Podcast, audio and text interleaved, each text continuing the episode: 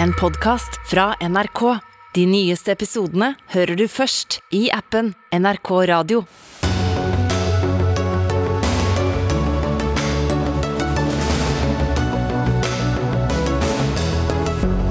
Norges sikkerhet er mer truet enn den var før krigen mot Ukraina.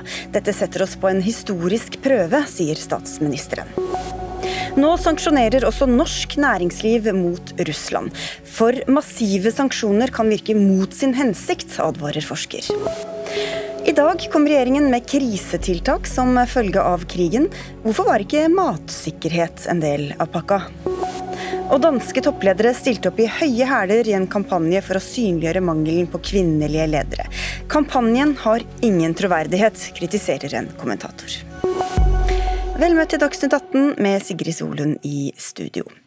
Ja, Etterretningstrusselen mot Norge er høyere nå enn den var før krigen i Ukraina, sier Politiets sikkerhetstjeneste.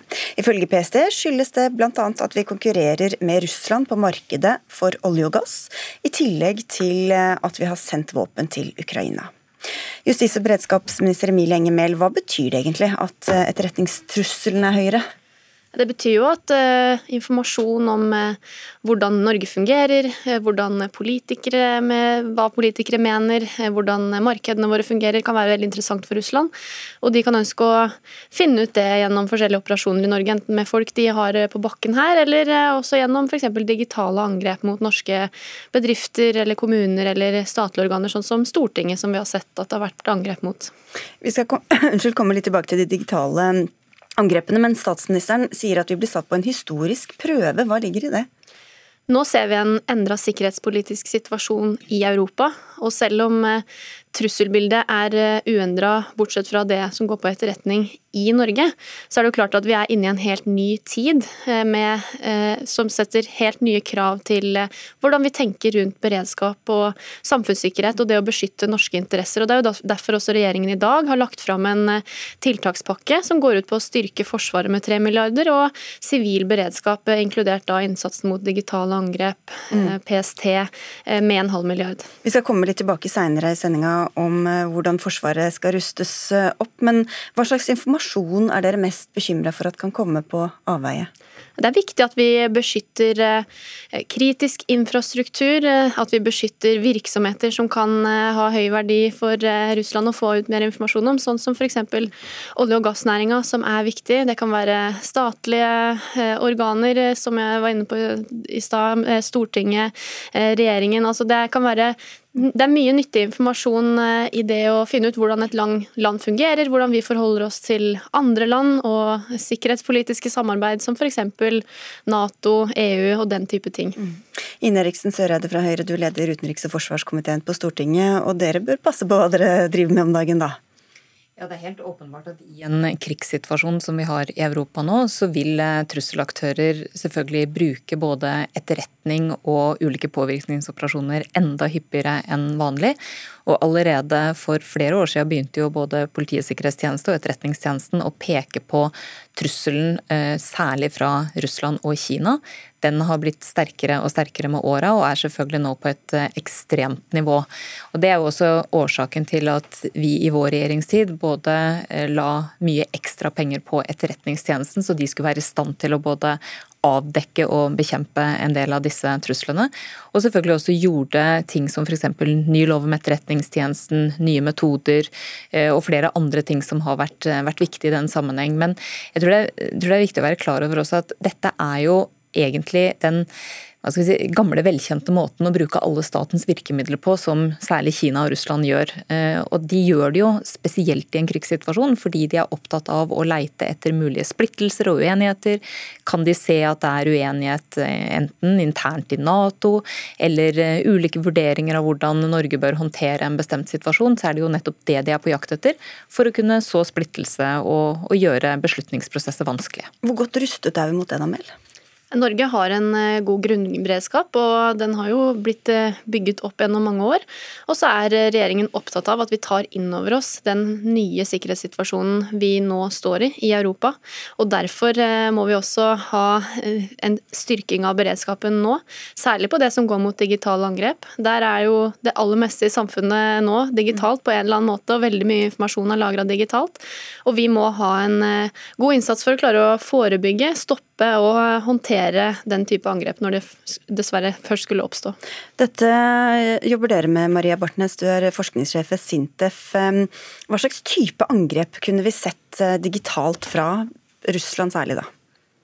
Jo, Det finnes mange ulike typer cyberangrep. Det det har vært mest snakk om nå i forbindelse med krigen, det vi kaller tjenestenektangrep. Det betyr at man sender så mange henvendelser til den tjenesten man ønsker å sette ut av spill, at den faktisk blir satt ut av spill. Litt sammenligna med hvis mange mange kunder prøver å gå inn i en butikk samtidig, så er det til slutt ingen som kommer inn, og kanskje inngangspartiet raser sammen. Så overbelaster, rett og slett? Overbelastning av en tjeneste som gjør at den blir utilgjengelig. Og Da er det forsvarsverket til den bedriften eller de bedriftene som blir angrepet, som, som egentlig avgjør hvor lang tid tar det å få tjenesten opp igjen. Det kan ta mange dager. Hvordan vurderer du Norges evne til å både oppdage og stå imot sånne type angrep? Jeg tror det er mange bedrifter som jobber litt ekstra akkurat nå med å gå gjennom ulike sikkerhetstiltak man har på plass, kanskje kjøre en ekstra beredskapsøvelse, gå gjennom prosedyrer. Og så håper jeg også at mange har en ekstra dialog med sine leverandører, som eh, mange bedrifter er veldig avhengig av. Så jeg tror det er en skjerping. Vi er ekstra oppmerksomme i disse dager. Og så tror jeg, som justisministeren sa, at grunnsikringa er god. Men Stortinget har jo vært rammet av cyberangrep flere ganger. Eh, kommuner, helseforetak. Hvor godt rustet er vi egentlig, Mehl? Det er viktig å ha med seg at eh, for hvert angrep som dessverre da lykkes fra en fremmed aktør, det kan jo være en statlig aktør eller en annen type aktør, så er det veldig mange angrep som er avverga. Men eh, vi ser jo også et behov for å styrke evnen til å håndtere dette. og Derfor så mener vi at det er riktig å styrke Nasjonal sikkerhetsmyndighet, som er eh, vår sikkerhetstjeneste mot denne typen angrep. Og vi gjør også et solid løft for kommunene, for nå er det også mange kommuner rundt i landet som er sårbare mål. Eh, vi har sett Østre Toten f.eks. har blitt utsatt for et veldig kostbart angrep som satte kommunen ut av drift i lang tid. Og det er jo en veldig effektiv måte å skape ustabilitet på i Norge. Hvis man rammer f.eks. slår ut da, flere kommuner som ikke kan levere tjenester til innbyggerne, og på den måten skape forvirring og usikkerhet. Ja, Det er jo helt åpenbart at mange av disse trusselaktørene, da, i særdeleshet Kina og, og, Russland, har jo også eh, mange politiske motiver for det de gjør. F.eks. så har vi jo sett innbrudd i store helseregistre, sånn at mye helsedata enten kommer på avveie eller brukes til å innhente informasjon. Det har jo igjen bl.a. sammenheng med diskusjonen om vaksiner og vaksineutvikling. Det er mange som er opptatt av å kunne vinne kappløpet om å utvikle vaksiner, bl.a. Sånn at dette har både storpolitiske politiske og sikkerhetspolitiske eh, faktorer bak seg, men selvfølgelig også i det enkelte tilfellet når man går på land som Norge og andre allierte, så handler det i stor grad også om å forstyrre beslutningsprosessene, skape mest mulig splittelse og kaos. Og jeg må jo si at det, det, apparatet vi har i Norge, med Nasjonal sikkerhetsmyndighet, E-tjenesten og PST, er et veldig godt apparat. De samarbeider bra. Eh, og jeg syns jo også vi har sett bruken av etterretning på en veldig interessant måte i forbindelse med Ukraina-krigen, hvor amerikansk etterretning gikk ut veldig tidlig fortalte nøyaktig hva russerne var i ferd med å gjøre.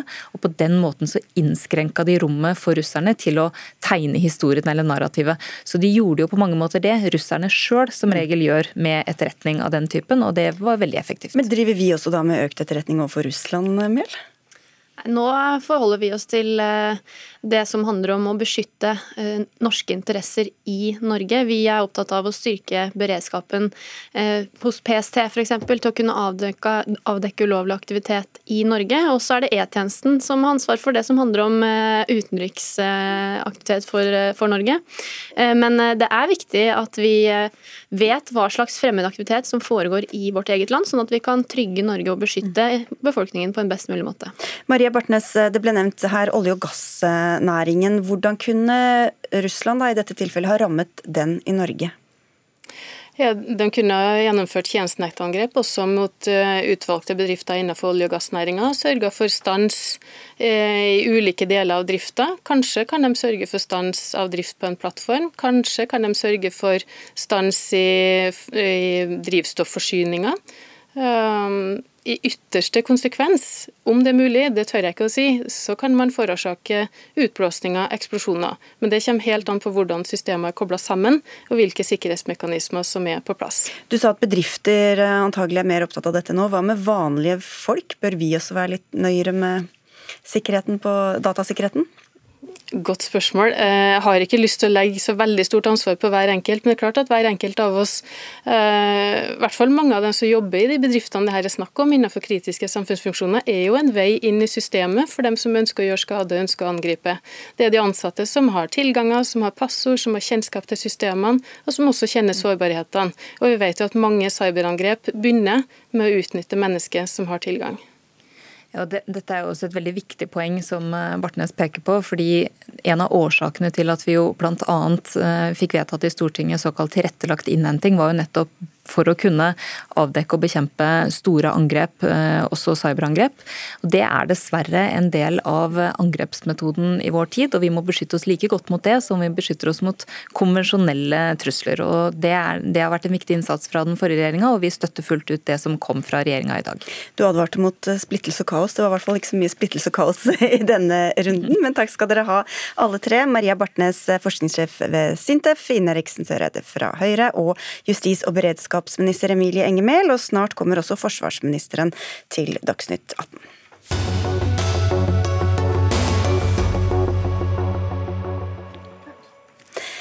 I ettermiddag har det vært et videolinkmøte mellom Kinas president Xi Jinping og USAs president Joe Biden. Mer om det straks, men først skal vi til FN. Russland og Norge sitter som kjent sammen i FNs sikkerhetsråd ut dette året. Og klima er nok ikke helt det beste, ettersom Norge var en av initiativtakerne til en resolusjon i generalforsamlingen som fordømmer Russlands krigføring i Ukraina. 141 nasjoner stemte for resolusjonen. Mona Juel, du er Norges FN-ambassadør, og i salen så sitter jo du faktisk ved siden av den russiske utsendingen. Hvordan er det å ha Russland som nabo også i Sikkerhetsrådet?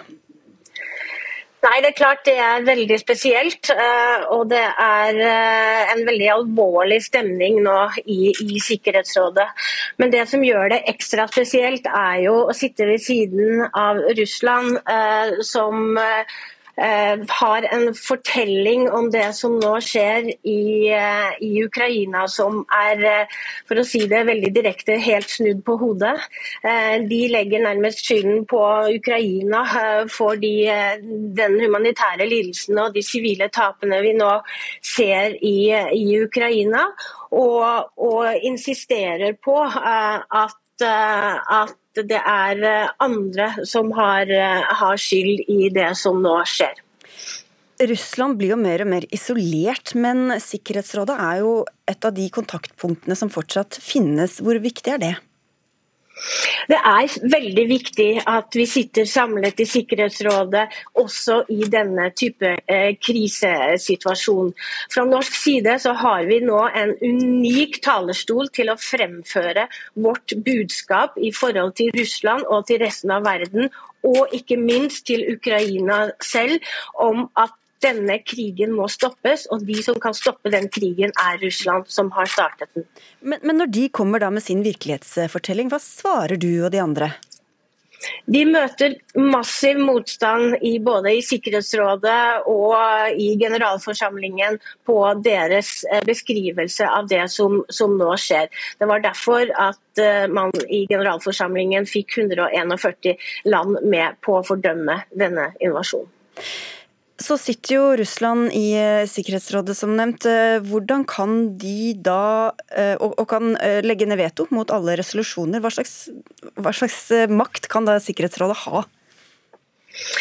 Det, det, som fortsatt er viktig, vetoretten har, har vi også fra, fra, norsk side ganske sterke synspunkter eh, mot, men det er et lengre lerret å breke. Det som er viktig nå, er at vi bruker denne talerstolen, og at de andre landene bruker denne talerstolen til å fortelle Russland at det de nå gjør, er et fundamentalt brudd på, på folkeretten og FN-charteret, og at denne krigen må stoppes, og at man må vende tilbake til diplomati og politisk og diplomatisk løsning på denne forferdelige krigen som utspiller seg, med de vanvittige humanitære lidelsene som vi ser.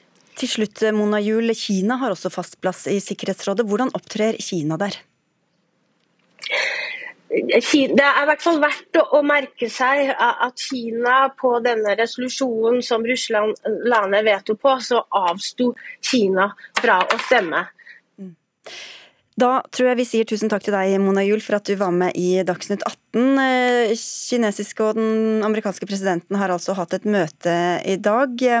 Vi går til deg først, Tove Bjørgaas, USA-korrespondent. Hva, hva vet du om hva som kom ut av dette møtet? Nei, Det jeg vet er at det møtet det varte i over to timer. Det var altså et telefonmøte, et videomøte mellom eh, Xi Jinping og Joe Biden, som det har vært knyttet eh, store forventninger til her. Eh, og Det kinesiske presidenten skal ha sagt til USA, er at han ønsker at Nato og USA skal sette seg ned og forhandle med Putin. At det er viktig å ha dialog med Putin. Mens USA på sin side er opptatt av hvilken rolle Kina ønsker å spille i denne konflikten, og hvilken kontakt de har med, Putin nå. De har ganske ulike interesser nå. Disse, eller Kina ønsker heller ikke denne krigen, men, men disse, altså, denne krigen bringer jo hele de globale maktforholdene opp i en krise. Eh, og Det gjør også at, at Kina har havnet i en slags eh, skvis her, fordi alliansen mellom Europa og USA har blitt så mye sterkere enn den kanskje var før. Og det er jo mange som eh, følger spent med på hva Kina gjør, Philip Lote. Du er påtroppende korrespondent i Beijing. Hva tror du at Kina håpet å oppnå med dette møtet? Ja, dette møtet skjedde jo etter at eh, de to landenes sikkerhetsrådgivere hadde et uh, møte i Roma tidligere i uken på, på, mandag, så dette møtet har jo tydeligvis vært fruktbart nok til at de mente at det var grunnlag for presidenten å snakke sammen da, i, i, to timer, uh, hvor de på, fikk snakket om mye. Men det er klart at det Kina nå ønsker å unngå, er at de blir indirekte eller direkte rammet av Vestens uh, sanksjoner, og det er jo en trussel som USA har. Eh, og også har gjort veldig tydelig for Kina at eh, hvis dere undergraver aktivt våre sanksjoner, eh, så vil dere også kunne oppleve at vi innfører sanksjoner mot dere. Og så har jo, virker det jo som om Kina ikke var helt forberedt på at denne krigen ville, ville, komme. Eh, det kan vi se på hvordan de håndterte eh, kommunikasjon med egne borgere i Ukraina eh, da invasjonen startet. Så De har forsøkt å finne fotfeste på en måte, og vi ser jo at de snakker om krigen litt annerledes. Fremdeles, sånn som i samtalen i dag, så har de jo, som Tove Bjørgaas sa, sagt at Nato og USA må snakke om sikkerhetspolitikken og premissene og grunnlag for at dette i det hele tatt ble en konflikt. Men de har begynt å snakke om det som en krig. Eh, og eh, de har også i større grad, veldig forsiktig i de statskontrollerte mediene, nå i større grad begynt å eh, omtale sivile lidelser, sivile tap, og understreke tydeligere at alle må jobbe for fred. Så det er en forsiktig bevegelse på kinesisk side. Men som du var inne på, så har det vært i hvert fall ganske tette bånd mellom Russland og Kina. og Tove Bjørgaas, Hvordan ser USA på de båndene? Ja, Det USA sa, for, som mange kanskje husker i forrige uke, var at de mente de hadde etterretning på at Kina visste om krigen på forhånd, at det har vært samtaler med russerne om at Kina skulle hjelpe Russland militært, noe kineserne har avvist på det sterkeste. Eh, så, så det er klart at en, en slik en, en, en, krig mellom tre supermakter, det er iallfall det siste USA ønsker å, å, å, at skal skje her. Og at Kina skal spille en militær rolle i forhold til Russland, er noe de overhodet ikke eh, vil akseptere. Eh, og, og, og, derfor så, så Men samtidig så er jo Kina og USA verdens største handelspartnere. Eh, Kina er det, snart, eh, det sterkeste landet av de to økonomisk. Eh, Kina er i ferd med å havne i førersetet i, i, det forholdet. Så, så de, de, må ha tette, et tett forhold, men de er jo ikke venner. De, de, har jo ikke de samme forbindelsene som Beijing og Moskva har USA og Beijing. Så, så, det er ikke den tilliten som, som er der. og Det gjør også at, at Kina eh, blir urolig i forhold til, til, til alle de våpnene som selvfølgelig USA og eh, Nato sender til Ukraina. Og Ifølge USA så har Russland bedt uh, Kina om militærhjelp uh, helt siden krigen brøt ut, uh, eller Russland invaderte Ukraina. Philip Lote. Vet vi noe om hvordan Kina forholder seg både offisielt og uoffisielt til det? Offisielt så er det helt tydelig de kaller det desinformasjon, at dette er ikke sant. Og så vet jo ikke vi, og vil kanskje aldri helt sikkert få vite hva russerne har sagt, hva de har kommunisert, hvordan de har ordlagt seg. Det vi er ganske sikre på, er at amerikanerne faktisk delte etterretning med Kina om at russerne var i ferd med å planlegge en invasjon, i håp om at Kina kunne påvirke Putin da han var til stede under åpningsseremonien eh, eh, under OL. Og det, Om de ikke direkte ba Putin om å vente med å invadere, så kan de jo ha sagt at det ville være uheldig om han gikk til invasjon under, eh, under OL. Men det er klart at denne krigen endrer den globale sikkerhetspolitikken. Eh, eh, Kina er nødt til å tenke hvordan kommer vi best ut av dette, hva tjener våre interesser? Og veldig grovt forenklet så må de da velge mellom sikkerhetspolitiske interesser knyttet opp til Russland, som er en viktig våpenleverandør, viktig gassleverandør, og sterkere, viktigere økonomiske interesser, hvor både EU og USA er viktigere markeder og betyr mer for den økonomiske stabiliteten i Kina enn det Russland gjør, som ikke har noe stor økonomi, ikke større enn Canada eller Spania. Philip Lote, ja, Tove Bjørges, du skulle inn på tampen her. Ja, Det er også viktig for Biden bare skulle si det helt kort, det er også for, for Biden er det også viktig hele tiden å vise at man, er, at man stiller krav til Kina, at man er tøff med Kina.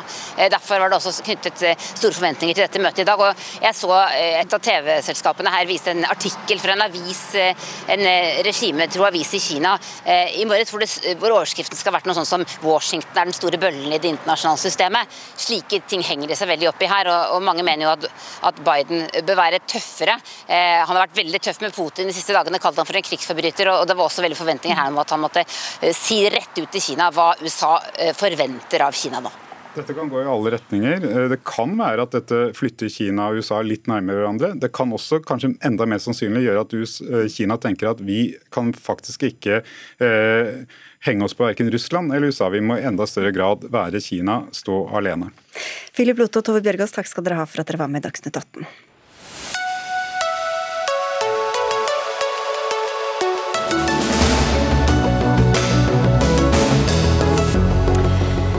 Fra og med i dag kan norske bedrifter eh, lovlig kutte båndene til russisk næringsliv. En ny forskrift ble vedtatt i formiddag. Den russiske staten og russiske enkeltpersoner er utsatt for massive økonomiske sanksjoner, i tillegg til boikott kulturelt og sportslig. Men hva er konsekvensene? I et innlegg i Aftenposten så maner du til forsiktighet, Benedicte Bull. Du er professor ved Senter for utvikling og miljø ved Universitetet i Oslo, og sammenligner Russland med Venezuela, som du kjenner godt. Hva er det erfaringene derfra viser som du mener vi må lære av nå?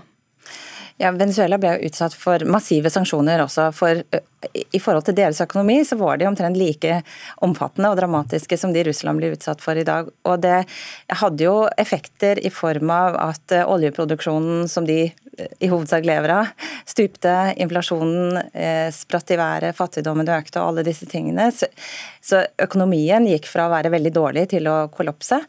Men det fikk ikke de politiske konsekvensene man hadde håpet på. Maduro sitter trygt i stolen. Han klarte å bortforklare alle sine egne økonomiske feiltrinn med sanksjonene. Han klarte å samle folket mot sanksjonene. Eh, så de er superupopulære. og det var med å knekke næringslivet og splitte opposisjonen. Ja, For da blir sanksjonene brukt som syndebukk? I veldig stor grad. Altså, han kunne peke på i dag er nesten alle venezuelanere imot sanksjonene. I begynnelsen var det en del som trodde at de skulle ha noen positive effekter. Og det er jo vanskelig å skille nå hva er effektene av sanksjonene og hva er effektene av en håpløs økonomisk politikk som har vært ført i mange år. Ola Elvestuen, du sitter på Stortinget for Venstre, og dere har jo ivret for enda sterkere sanksjoner enn dem vi ser nå. Hvorfor frykter ikke du disse konsekvensene? Nå er det jo en helt annen situasjon enn det det er i Venezuela. Nå har du en pågående krig og en invasjon i eh, Ukraina. Ukrainere slåss for sin frihet og sitt eh, demokrati. og Da må vi gjøre alle de, de tre tingene vi trenger. Vi trenger å støtte dem både med våpen og militært eh, utstyr. Du trenger å, å ha nødhjelp inn i Ukraina. Og vi trenger å gjøre sanksjonene så sterke som mulig, fordi vi trenger å påvirke det vi klarer inn mot uh, Russland. Så det er helt klart at Putin kommer til å bruke dette i sin eh, propaganda, men det ville han gjort uansett. Uh, så dette handler om å, å, vise hvor stor motstand det er, og i så stor grad som mulig også svekke den muligheten for å videreføre krigen som man gjør. Ja, altså, jeg er litt redd for den her, de må være så sterke som mulig. Jeg tror de må være så treffsikre som mulig. Jeg tror det er en del sanksjoner som er veldig viktige, f.eks. å fryse eh, midlene til sentralbanken, som er krigskassa. Også sanksjonene mot eh, oligarkene. Noen av de burde vi kanskje ha innført for lenge siden, fordi de har operert i, i skyggelandet av det lovlige. Men eh, mange av de sanksjonene som innføres nå, det går direkte utover næringslivet. Eh, så, og mange av de kunne ha opprettholdt et eller annet engasjement. Så jeg tror ikke det er sånn at at jo sterkere de er, jo mer rammer de det man ønsker å ramme. De kan ha veldig mange motsatte konsekvenser. Og eh, den logikken at eh, dette må vi, må vi, gjøre uten å ha en sånn slags teori om hvordan det skal føre til de endringene vi ønsker, det tror jeg er ganske farlig. Ja, men Det eneste endringen som må nå kjøres med all den kraft, er å støtte ukrainere, at de kan stå imot det angrepet som de har mot seg. Og Da er det støtte i Ukraina. Det, det er det viktigste, mm, men, men, vi må også ha de hvis, sanksjonene. Skal vi ikke se på de faktiske konsekvensene sanksjonene kan føre til det? Ja, men nå er, du, nå er vi tre uker inn i en krig. Nå handler det om å få dette på plass, og få det raskt på plass. Jeg syns også de norske sanksjonene burde vært på plass tidligere. Og så er jo, hvis vi skal lære av historien, så er det jo kanskje som sagt, kanskje at vi skulle hatt sterkere sanksjoner både i 2014 eh, med, da, med Krim og, og, okkupasjonen der, og angrepet også øst i, i, Ukraina. Og kanskje også tilbake i 2008 med invasjonen i Georgia. At det er nettopp at vi har vist at vi ikke har hatt nok vilje til å stå imot, som har vært med på også å skape den situasjonen som vi har nå. Det tror jeg egentlig er litt feil. Altså, du har jo sett en utvikling de siste årene mot flere og flere sanksjoner. USA har økt sanksjonsbruken med 50% under Trump, og det har fortsatt under Biden. Og man skaper egentlig parallelle verdensøkonomier. Du ser jo at alle de sanksjonerte landene finner sammen. Russ, eh, Venezuela fant Russland, eh, som har vært en viktig redningsplanke. Russland kommer til å finne det samme. Men du, hvis du skal lære av historien, hvis du skal lære av sanksjonslitteraturen, så ser du at det stopper ikke en krig ved økonomiske sanksjoner. Men altså å ramme krigskassa direkte kan være med på å hindre en langvarig krig, altså at det trekker veldig ut. Men akkurat nå så har det jo ikke hatt den ønskede effekten. og det viser all erfaring at det heller ikke vanligvis får. Men Du sier det handler også om moral, Elvestuen? Ja, i den situasjonen du er nå, at du har en uh, angrepskrig på den måten, som bryter med alle internasjonale konvensjoner. Det at du har en aktiv bombing med krigsforbrytelser av eh, sivile mål i, i, Ukraina, så gjør det at du også må reagere. Det er sanksjonene, men jeg mener også at det er bra med bedrifter. Det er jo mange som går lenger også enn det sanksjonene krever med å, å, stenge ute og trekke seg ut av, av, Russland. Det mener jeg er riktig å gjøre i den situasjonen som vi er i nå. Også fordi dette er en støtte til ukrainere og vise, vise at vi har vilje også til å, å bruke sanksjoner. Altså, jeg skjønner jo det moralske argumentet. Vi vil alle helst gjøre mest mulig for å støtte ukrainerne. Men det moralske argumentet må, vi må også holde, holde, et blikk på hva er det våre virkemidler fører til, og kan de føre til uønskede konsekvenser. Altså, hvis man skal bruke det argumentet, så kunne vi jo Det er jo et argument for å innføre en flyforbudssone, som, som, vil si det kunne hindre bomber å falle over Ukraina, men vi vet også at det vil få enorme eh, konsekvenser som ikke vi er, er villige til å gå, gå, inn på. Så jeg tenker den, den moralske harmen er en litt dårlig eh, kompass for å velge hvilke tiltak vi skal eh, men real, realpolitikken med å ikke innføre flyforbudssone er jeg helt klar over. Det vil, det vil være en krig mellom, mellom, Nato og Russland med de konsekvensene det Det skal vi ikke ha. Men, men, men Hva med det realpolitiske her, da? Hvis, hvis, det blir, hvis, hvis, det blir, større murer mellom Vesten og Russland, hvis det blir vanskeligere for Putin å, å, å gå av Men det er Putin nå som har, kjører en maksimal konfrontasjon Det kan ikke bli hardere enn dette. Og det som er viktig nå, er at ikke vi viser at det samholdet du nå har i vest, at det begynner å slå sprekker. Det er det ingen som vil tjene mer på enn Putin. Nå, nå må vi støtte opp under i Ukraina med det vi kan. Sanksjoner er én del av det, men det må gjøre også andre. Selv om det samler f.eks. russere mot Vesten?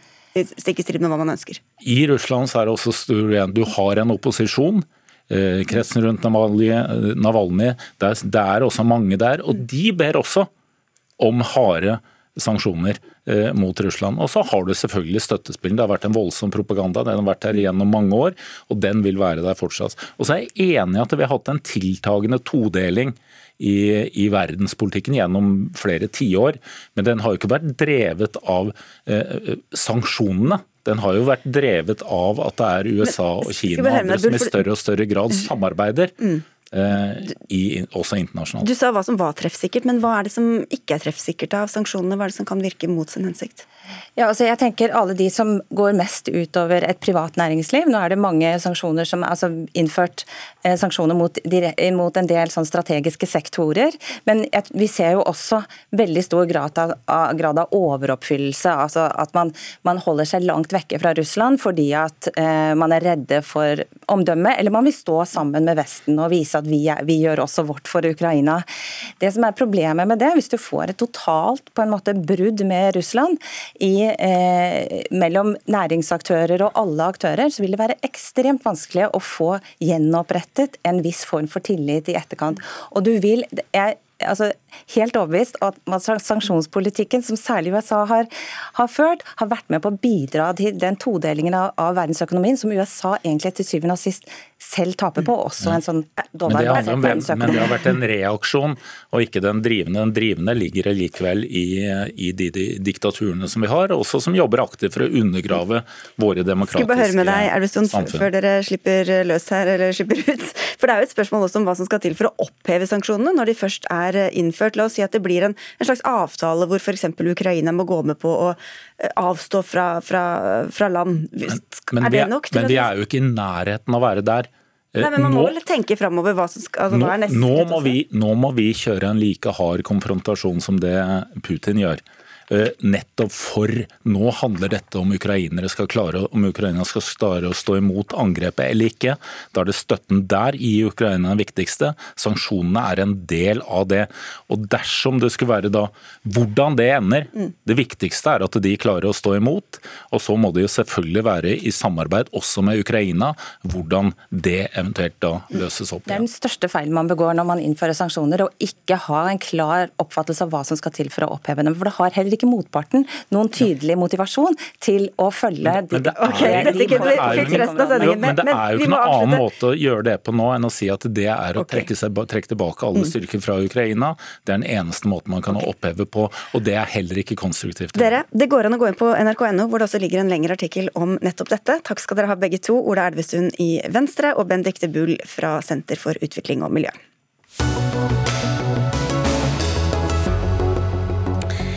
Ja, vi står overfor et mer uforutsigbart og aggressivt russisk regime. Det sa statsminister Jonas Gahr Støre i dag.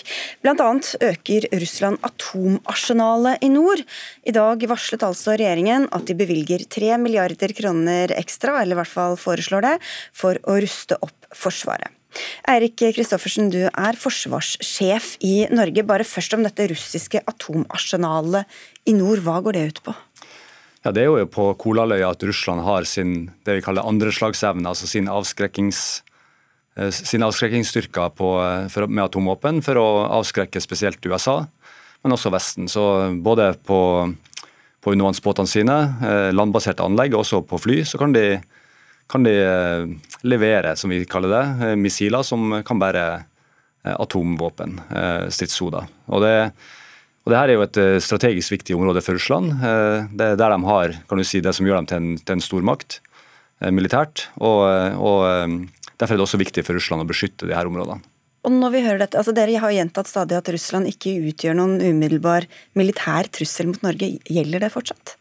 Ja, det gjelder fortsatt. Vi ser ingen økt aktivitet i nord nå som tyder på at det er en direkte trussel. Samtidig så vet vi at Russland gjennomførte en test med nettopp de strategiske atomvåpnene lørdagen før invasjonen i Ukraina, altså for snart altså før 24. februar, lørdagen før. Og, og den testen ble gjennomført med, med, et godt resultat for Russland, der de viste at sin evne til å, til å avskrekke Vesten. Thomas Nilsen, du er redaktør i Barents Observer og er med oss fra Kirkenes. Hvordan merker folk i Øst-Finnmark denne økte spenningen? Ja, altså I første rekke så er det jo at vi opplever at jernteppet har kommet tilbake ved at det så å si ikke er trafikk over grensa. Eh, men det er jo veldig mange her i Kirkenes som har mye kontakt innover mot Russland, enten det er familie og venner eller næringslivskontakter eller vi i media som, som også har god kontakt med russiske journalister. Og, og Det er klart det, er, eh, det vi får referert fra andre sida av grensa, det er en veldig spesiell eh, situasjon. Det er et Russland som er helt annerledes i dag enn det det var bare for et et par uker siden med at borgermesteren i eh, nabokommunen vår, Petsjenga, eh, har klistra en svær diger sett Eh, det er symbolet for eh, invasjonen i Ukraina. Over bilen sin.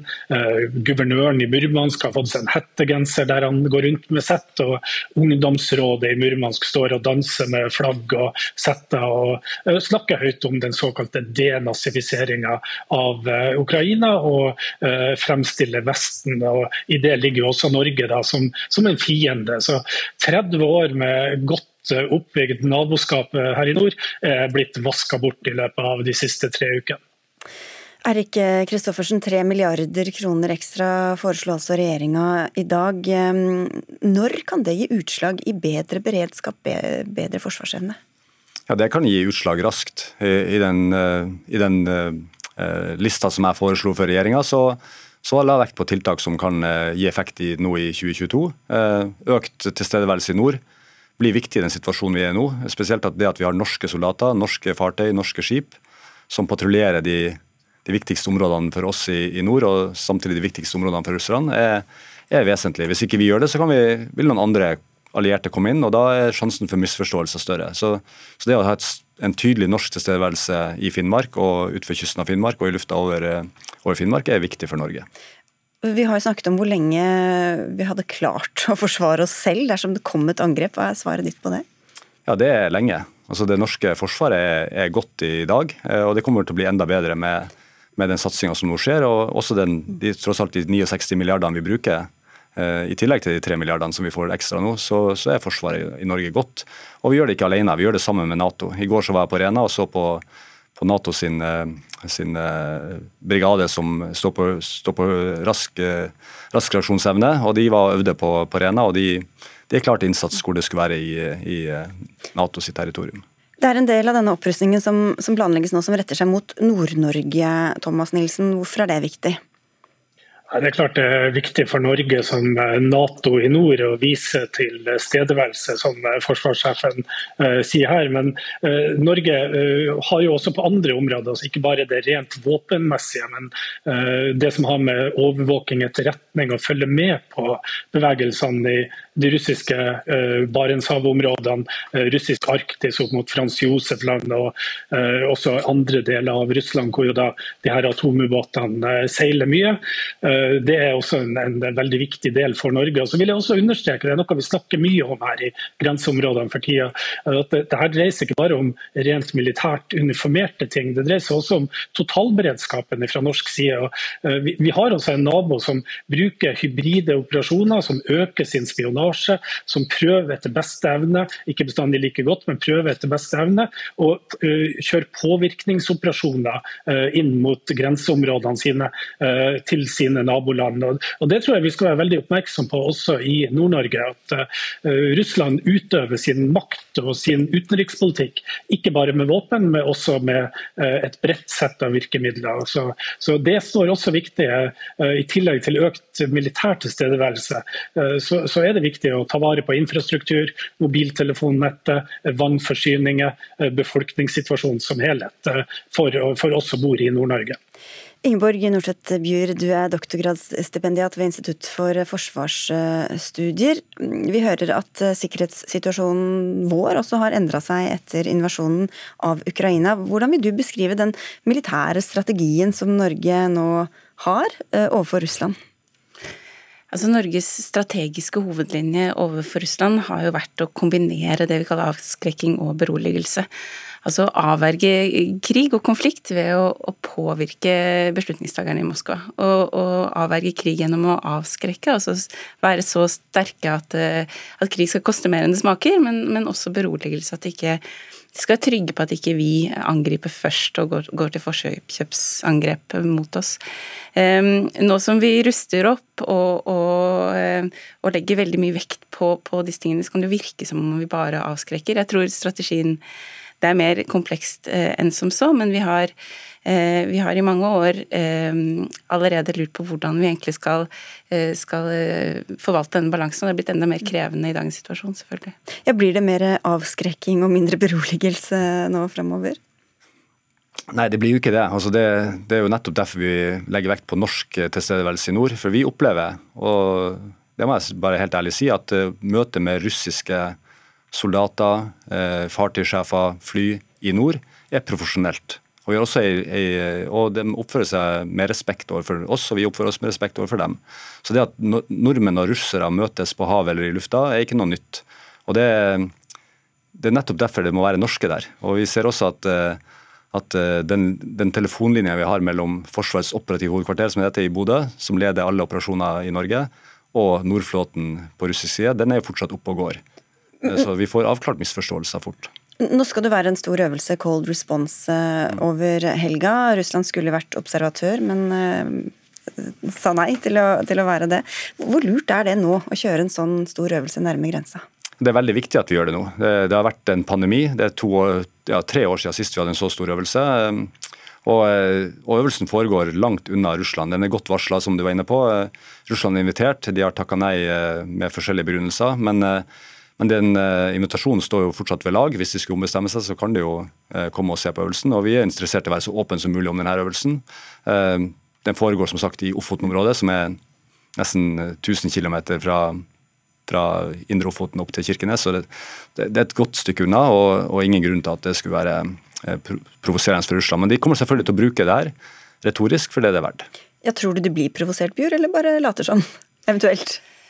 Det er veldig vanskelig å si hva de blir provosert av, og, og, hva de tenker. Um, det, det, jeg tror det er viktig å huske på når vi snakker om, om avskrekking og beroligelse, det er jo det at um, Vi kan snakke om det som to typer av tiltak som vi driver med, men i realiteten så, så, er, det, så er, det, slik at uh, et enkelt tiltak kan inneholde både avskrekking og beroligelse. At det, er ikke, det er ikke så enkelt som om at um, at, eh, at, kutter vi ut det ene, så, eh, så, så, gjør vi det andre. Og også at hvordan dette virker, avhenger av liksom hvilken kontekst eh, vi gjør det i. Og at um, hvorvidt dette provoserer som det er som forsvarssjefen sier, at, at nettopp det at vi ruster opp, kan bli omtalt som avskrekking, men at det også er på en måte beroligende da, sammenlignet med med hva som kanskje ville vært alternativet, at, at mer allierte styrker f.eks. øvde øvet og trent i nord. Så det er en, eh, en kombinert uh, strategi. Hva, hva, mer gjør vi for å berolige, da? Um, nei, i, i, dagens situasjon Det er jo vanlig å snakke om, om avskrekking som uh, integrasjon i Nato og det å holde alliansen på avstand som beroligelse. Men, men dette her er, er, i realiteten noe som, um, som, som er mye mer sammensatt. altså Eh, jeg hørte f.eks. utenriksministeren sa at eh, Russland vet hvor de har oss. og Det er jo både en avskrekkende og en beroligelse, et beroligende utsagn i det at de vet at, at, vi er medlem av Nato, men de vet også at vi ikke ønsker konflikt i våre nær, nærområder. Så det er på en måte den type kombinasjon vi kan se i mange typer av tiltak. Eirik Kristoffersen, vi har diskutert en del år hva slags type forsvar Norge skal ha. Eh, det ligger jo planer på bordet. Nå kommer det altså mer penger. Vi har jo også lært gjennom denne krigen i Ukraina at det finnes ganske mange ulike måter å drive krigføring på. Hva slags øh, hva, eller hva har denne krigen gjort med hvordan du syns vi skal prioritere internt i det norske forsvaret? Nei, Jeg har ikke endra prioriteringen fra, fra, vi la frem fagmilitært råd for langtidsplanen. Altså, Fortsatt, vi trenger fortsatt mer luftvern, vi trenger fortsatt langtrekkende presisjonsild, vi trenger fortsatt økt bemanning. Mer av alt. Men, men det, som er, det, som er, litt sånn kjernen i det her, det vi ser i Ukraina, det er at at vi ser nå hva krig faktisk er. I lang tid har vi snakka om sammensatte trusler, som vi var inne på eh, også fra nord her. Men, men, den brutale krigen vi ser i Ukraina, den, det ukrainerne ber om, er ikke, er ikke mer samband, mer cyber, mer sånne ting. De ber om, om våpen, de ber om ammunisjon, de ber om, om, ting som faktisk eh, gir en effekt mot de russiske styrkene, eh, helt konkret. Og Det er jo det som jeg kommer til å prioritere fremover. og det å få et heimevern som virker i hele landet, at de har nok våpen, ammunisjon, eh, uniformer, eh, de enkle tingene på plass. Og, så, eh, og der, der, er det fortsatt en jobb å gjøre, som, som de her bevilgningene skal bidra til at vi, vi får litt bedre orden på. Takk skal du ha, forsvarssjef Erik Kristoffersen. Takk også til deg, Ingeborg Nordtvedt Bjur, som er doktorgradsstipendiat ved Institutt for forsvarsstudier, og Thomas Nilsen, redaktør i Barents Observer.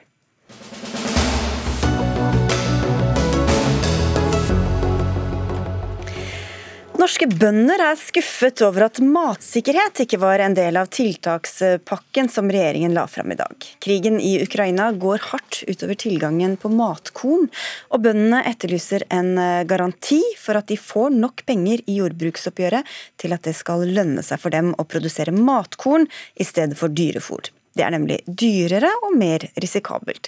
Og Du var her du for to uker siden og etterlyste en sånn garanti, Bjørn Gimming. Du er leder i Norges Bondelag.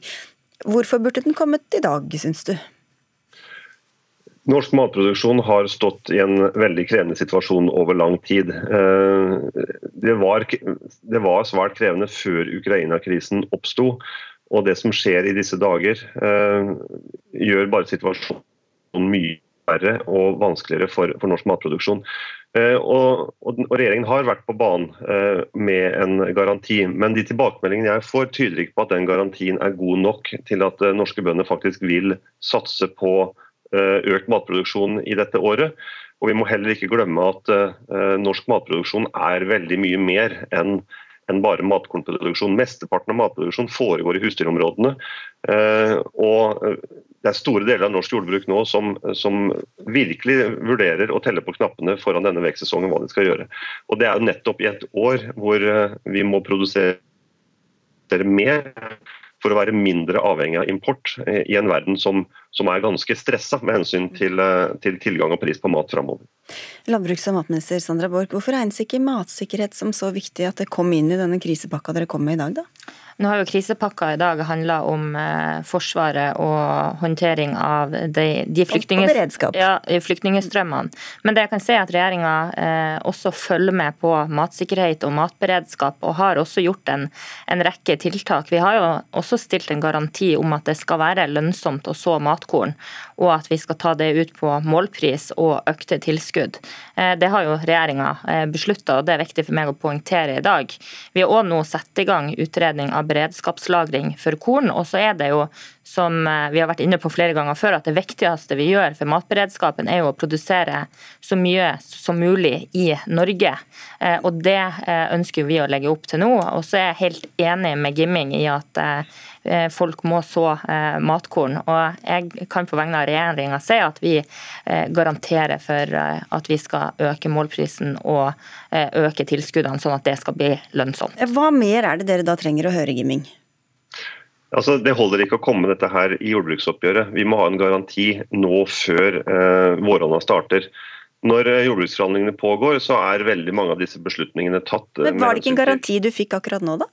Jo, jeg fikk en garanti med hensyn til matkorn. Men som sagt, norsk matproduksjon er veldig mye mer enn bare matkorn. Og det er høy risiko fortsatt i mathveteproduksjon.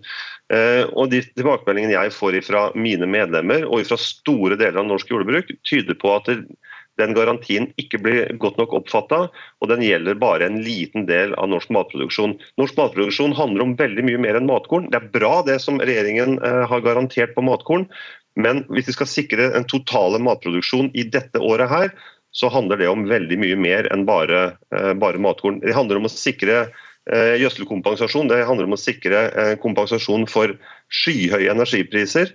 Og det, det må skje nå, altså før våronna. Og dette handler ikke om inntektskampen vår i jordbruksoppgjøret, eller sånt, det handler om hvilke grep kan vi gjøre i norsk matproduksjon, i norsk matberedskap, med, i lys av Ukraina-krigen. Norske bønder står klare til å produsere så mye som mulig dette året, her, men da må det komme noen garantier også på mer enn bare matkorn til norske bønder. Dette her er en vanskelig mm. situasjon. Hvis de ikke tør å, å satse, Sandra Borg, så hjelper det jo ikke at du sitter her og sier at det er en garanti?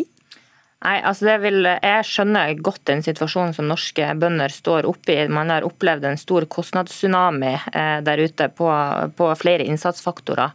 Veldig glad for at vi har fått til eh, tilleggsforhandlingene som kompenserte økte gjødselpriser, også strøm. Og så er det jo ingen tvil om, og det er viktig for meg å si, nok en gang at de økte kostnadene som har vært eh, den senere tida, den har jo jeg sagt at den vil vi komme tilbake til i jordbruksoppgjøret. Og jeg er også innstilt på å betale det ut i 2022, selv om vi forhandler for 2023. Og så er det viktig for meg også å poengtere at Men ingen... Hvorfor må dere vente så lenge med dette? Hvorfor må dere vente til jordbruksoppgjøret? Det er jo en rekke ting som skal diskuteres i jordbruksoppgjøret. Ikke bare Eh, hva staten skal bidra med av penger, men også hvordan man fordeler tilskuddene. Eh, så jordbruksoppgjøret i vår kommer til å bli utrolig viktig. Og så er det eh, viktig for meg å poengtere at det, det viktigste vi gjør nå, er å øke selvforsyningsgraden. Og regjeringa har absolutt et mål om det. Det skjer jo ikke det hvis ikke de tør å så å satse på matproduksjon? Nei, og jeg håper jo at den garantien som jeg nå er veldig tydelig på knytta til matkorn, som vi har potensialet til å produsere mer av i Norge, nettopp vil bidra til at folk folk eh, sår matkorn eh, og, og gjødseler deretter. Så det er ingen tvil om at eh, det må bare se, få se at matsikkerheten i Norge per i dag er ikke trua, men det vi ser rundt oss i verden, viser oss at vi er nødt til å ha mer fokus på matberedskap. Beredskapslagring av korn, men også en økt selvforsyningsgrad. Er du beroliget, Gimming? Eh, jeg vil nok, si, vil nok, tro at veldig mange av mine medlemmer eh, fortsatt ikke er beroliga. vi oppfatter veldig tydelig eh, signalet på matkorn, og det, det, er veldig bra. Og jeg håper at mange vil satse på matkorn i dette året. Men som sagt, mat, matproduksjon i Norge er veldig mye mer enn en bare matkorn. Det er bra vi skal, gjøre, vi skal prøve å gjøre noen grep altså, i, i denne sesongen her for å for å øke matkornproduksjonen. Men det holder ikke hele veien hjem hvis ikke, hvis ikke det øvrige jordbruket, som egentlig er den største delen av norsk matproduksjon, også får klare garantier for at det vil være riktig, eh, eller at de vil faktisk få kompensert og garantert at det vil være lønnsomt å produsere i år. For Bare, altså bare, bare det som skjedde på, i løpet av helga, da økte, økte gjødselprisen med 30-50% i løpet av Eh, og Det er på toppen av allerede en enorm kostnadsvekst, og nå kommer altså alle andre kostnader også. så her... Ok, Dere, vi må nesten avslutte. takk, skal dere ha. Ja, takk skal dere ha begge to, Sandra Borch og Bjørn Gimming.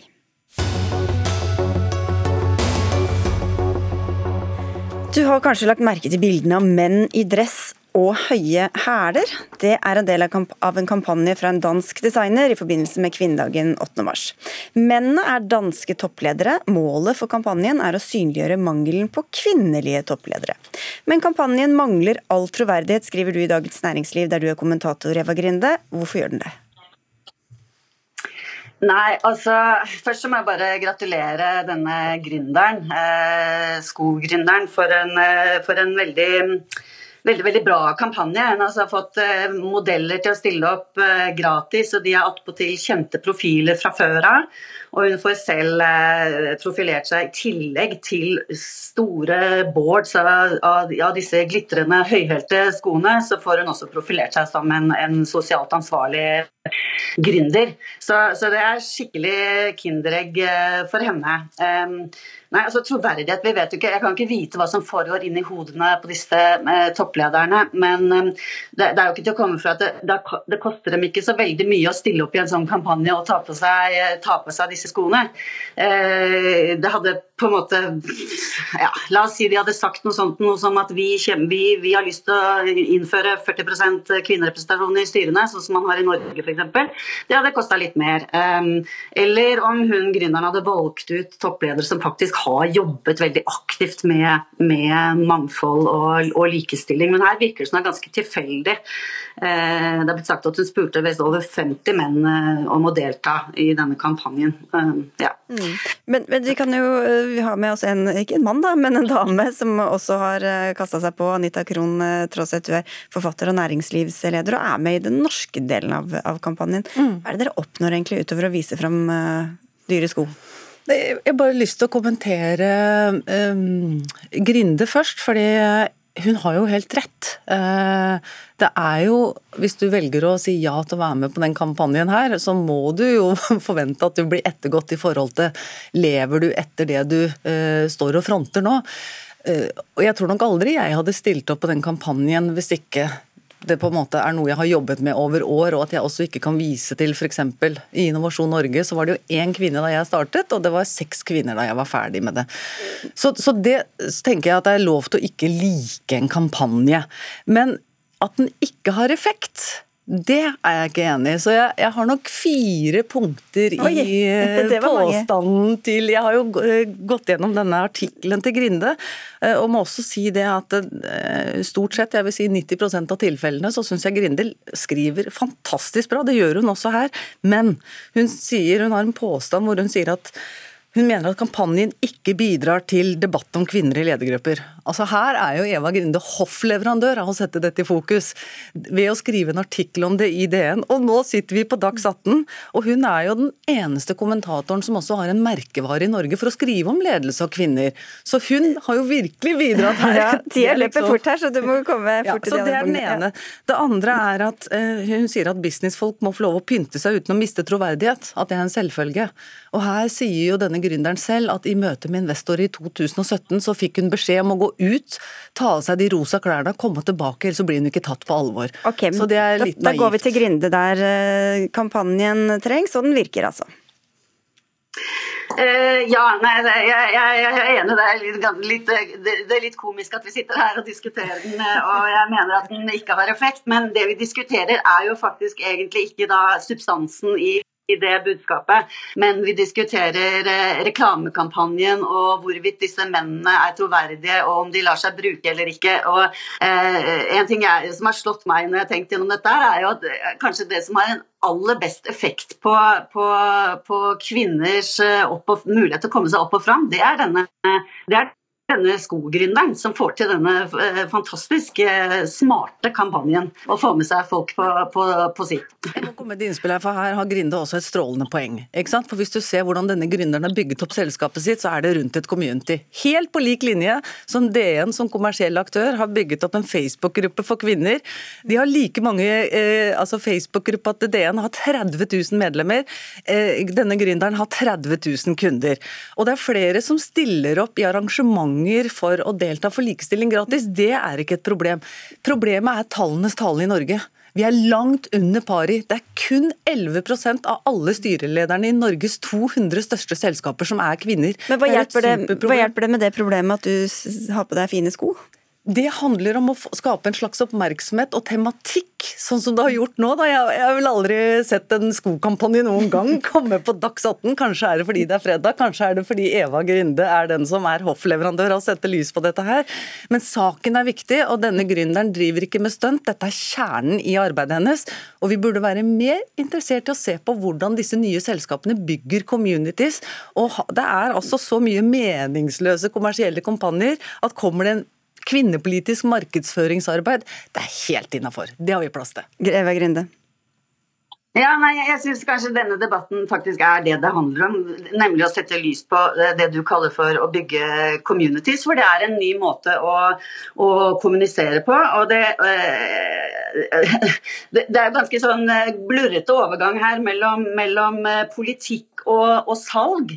Og jeg syns også det er et eller annet som, som, med at disse gutta stiller opp sånn bredbent på svære bål med glitrende rosa boots. og Um, og det, det, er jo noe humoristisk i det òg, det, det, det gjør, gjør, jo også um, kampanjen god. Men uh, jeg tror kanskje ikke la, la, oss si det hadde vært sportsklokker eller noe sånt, eller, eller sånt, et eller annet som målte pulsen, eller sånt, fordi at man ville, mente at det var viktig med helse på jobben. eller noe sånt. Tror de hadde stilt opp gratis da. Det er noe med at liksom, høyhælte sko og kvinner, og det er litt sånn morsomt og hyggelig, og det er ikke så farlig. Og denne, hun, denne gründeren er en skikkelig seriøs businessdame, tjener masse penger, er gaselle, er veldig opptatt av å komme i det norske markedet og bruker Anita Krohn Traaseth til den forbindelse. Ja, de bruker deg, jeg. Ja, jeg føler meg på ingen måte brukt, bare sånn at det det er sagt. Jeg føler at eh, jeg bidrar for denne gründeren på lik linje som jeg bidro til eh, å få fokus på en ny, stor community Facebook Facebook-gruppe for Dagens Næringsliv da de lanserte den, eller da jeg stilte opp gratis for Equality Check.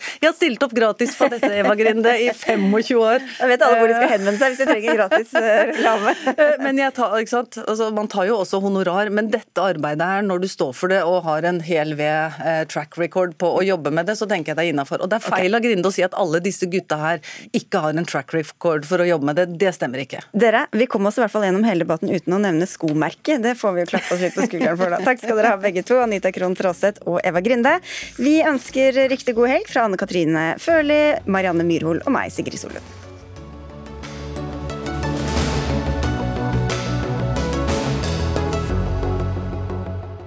En podkast fra NRK.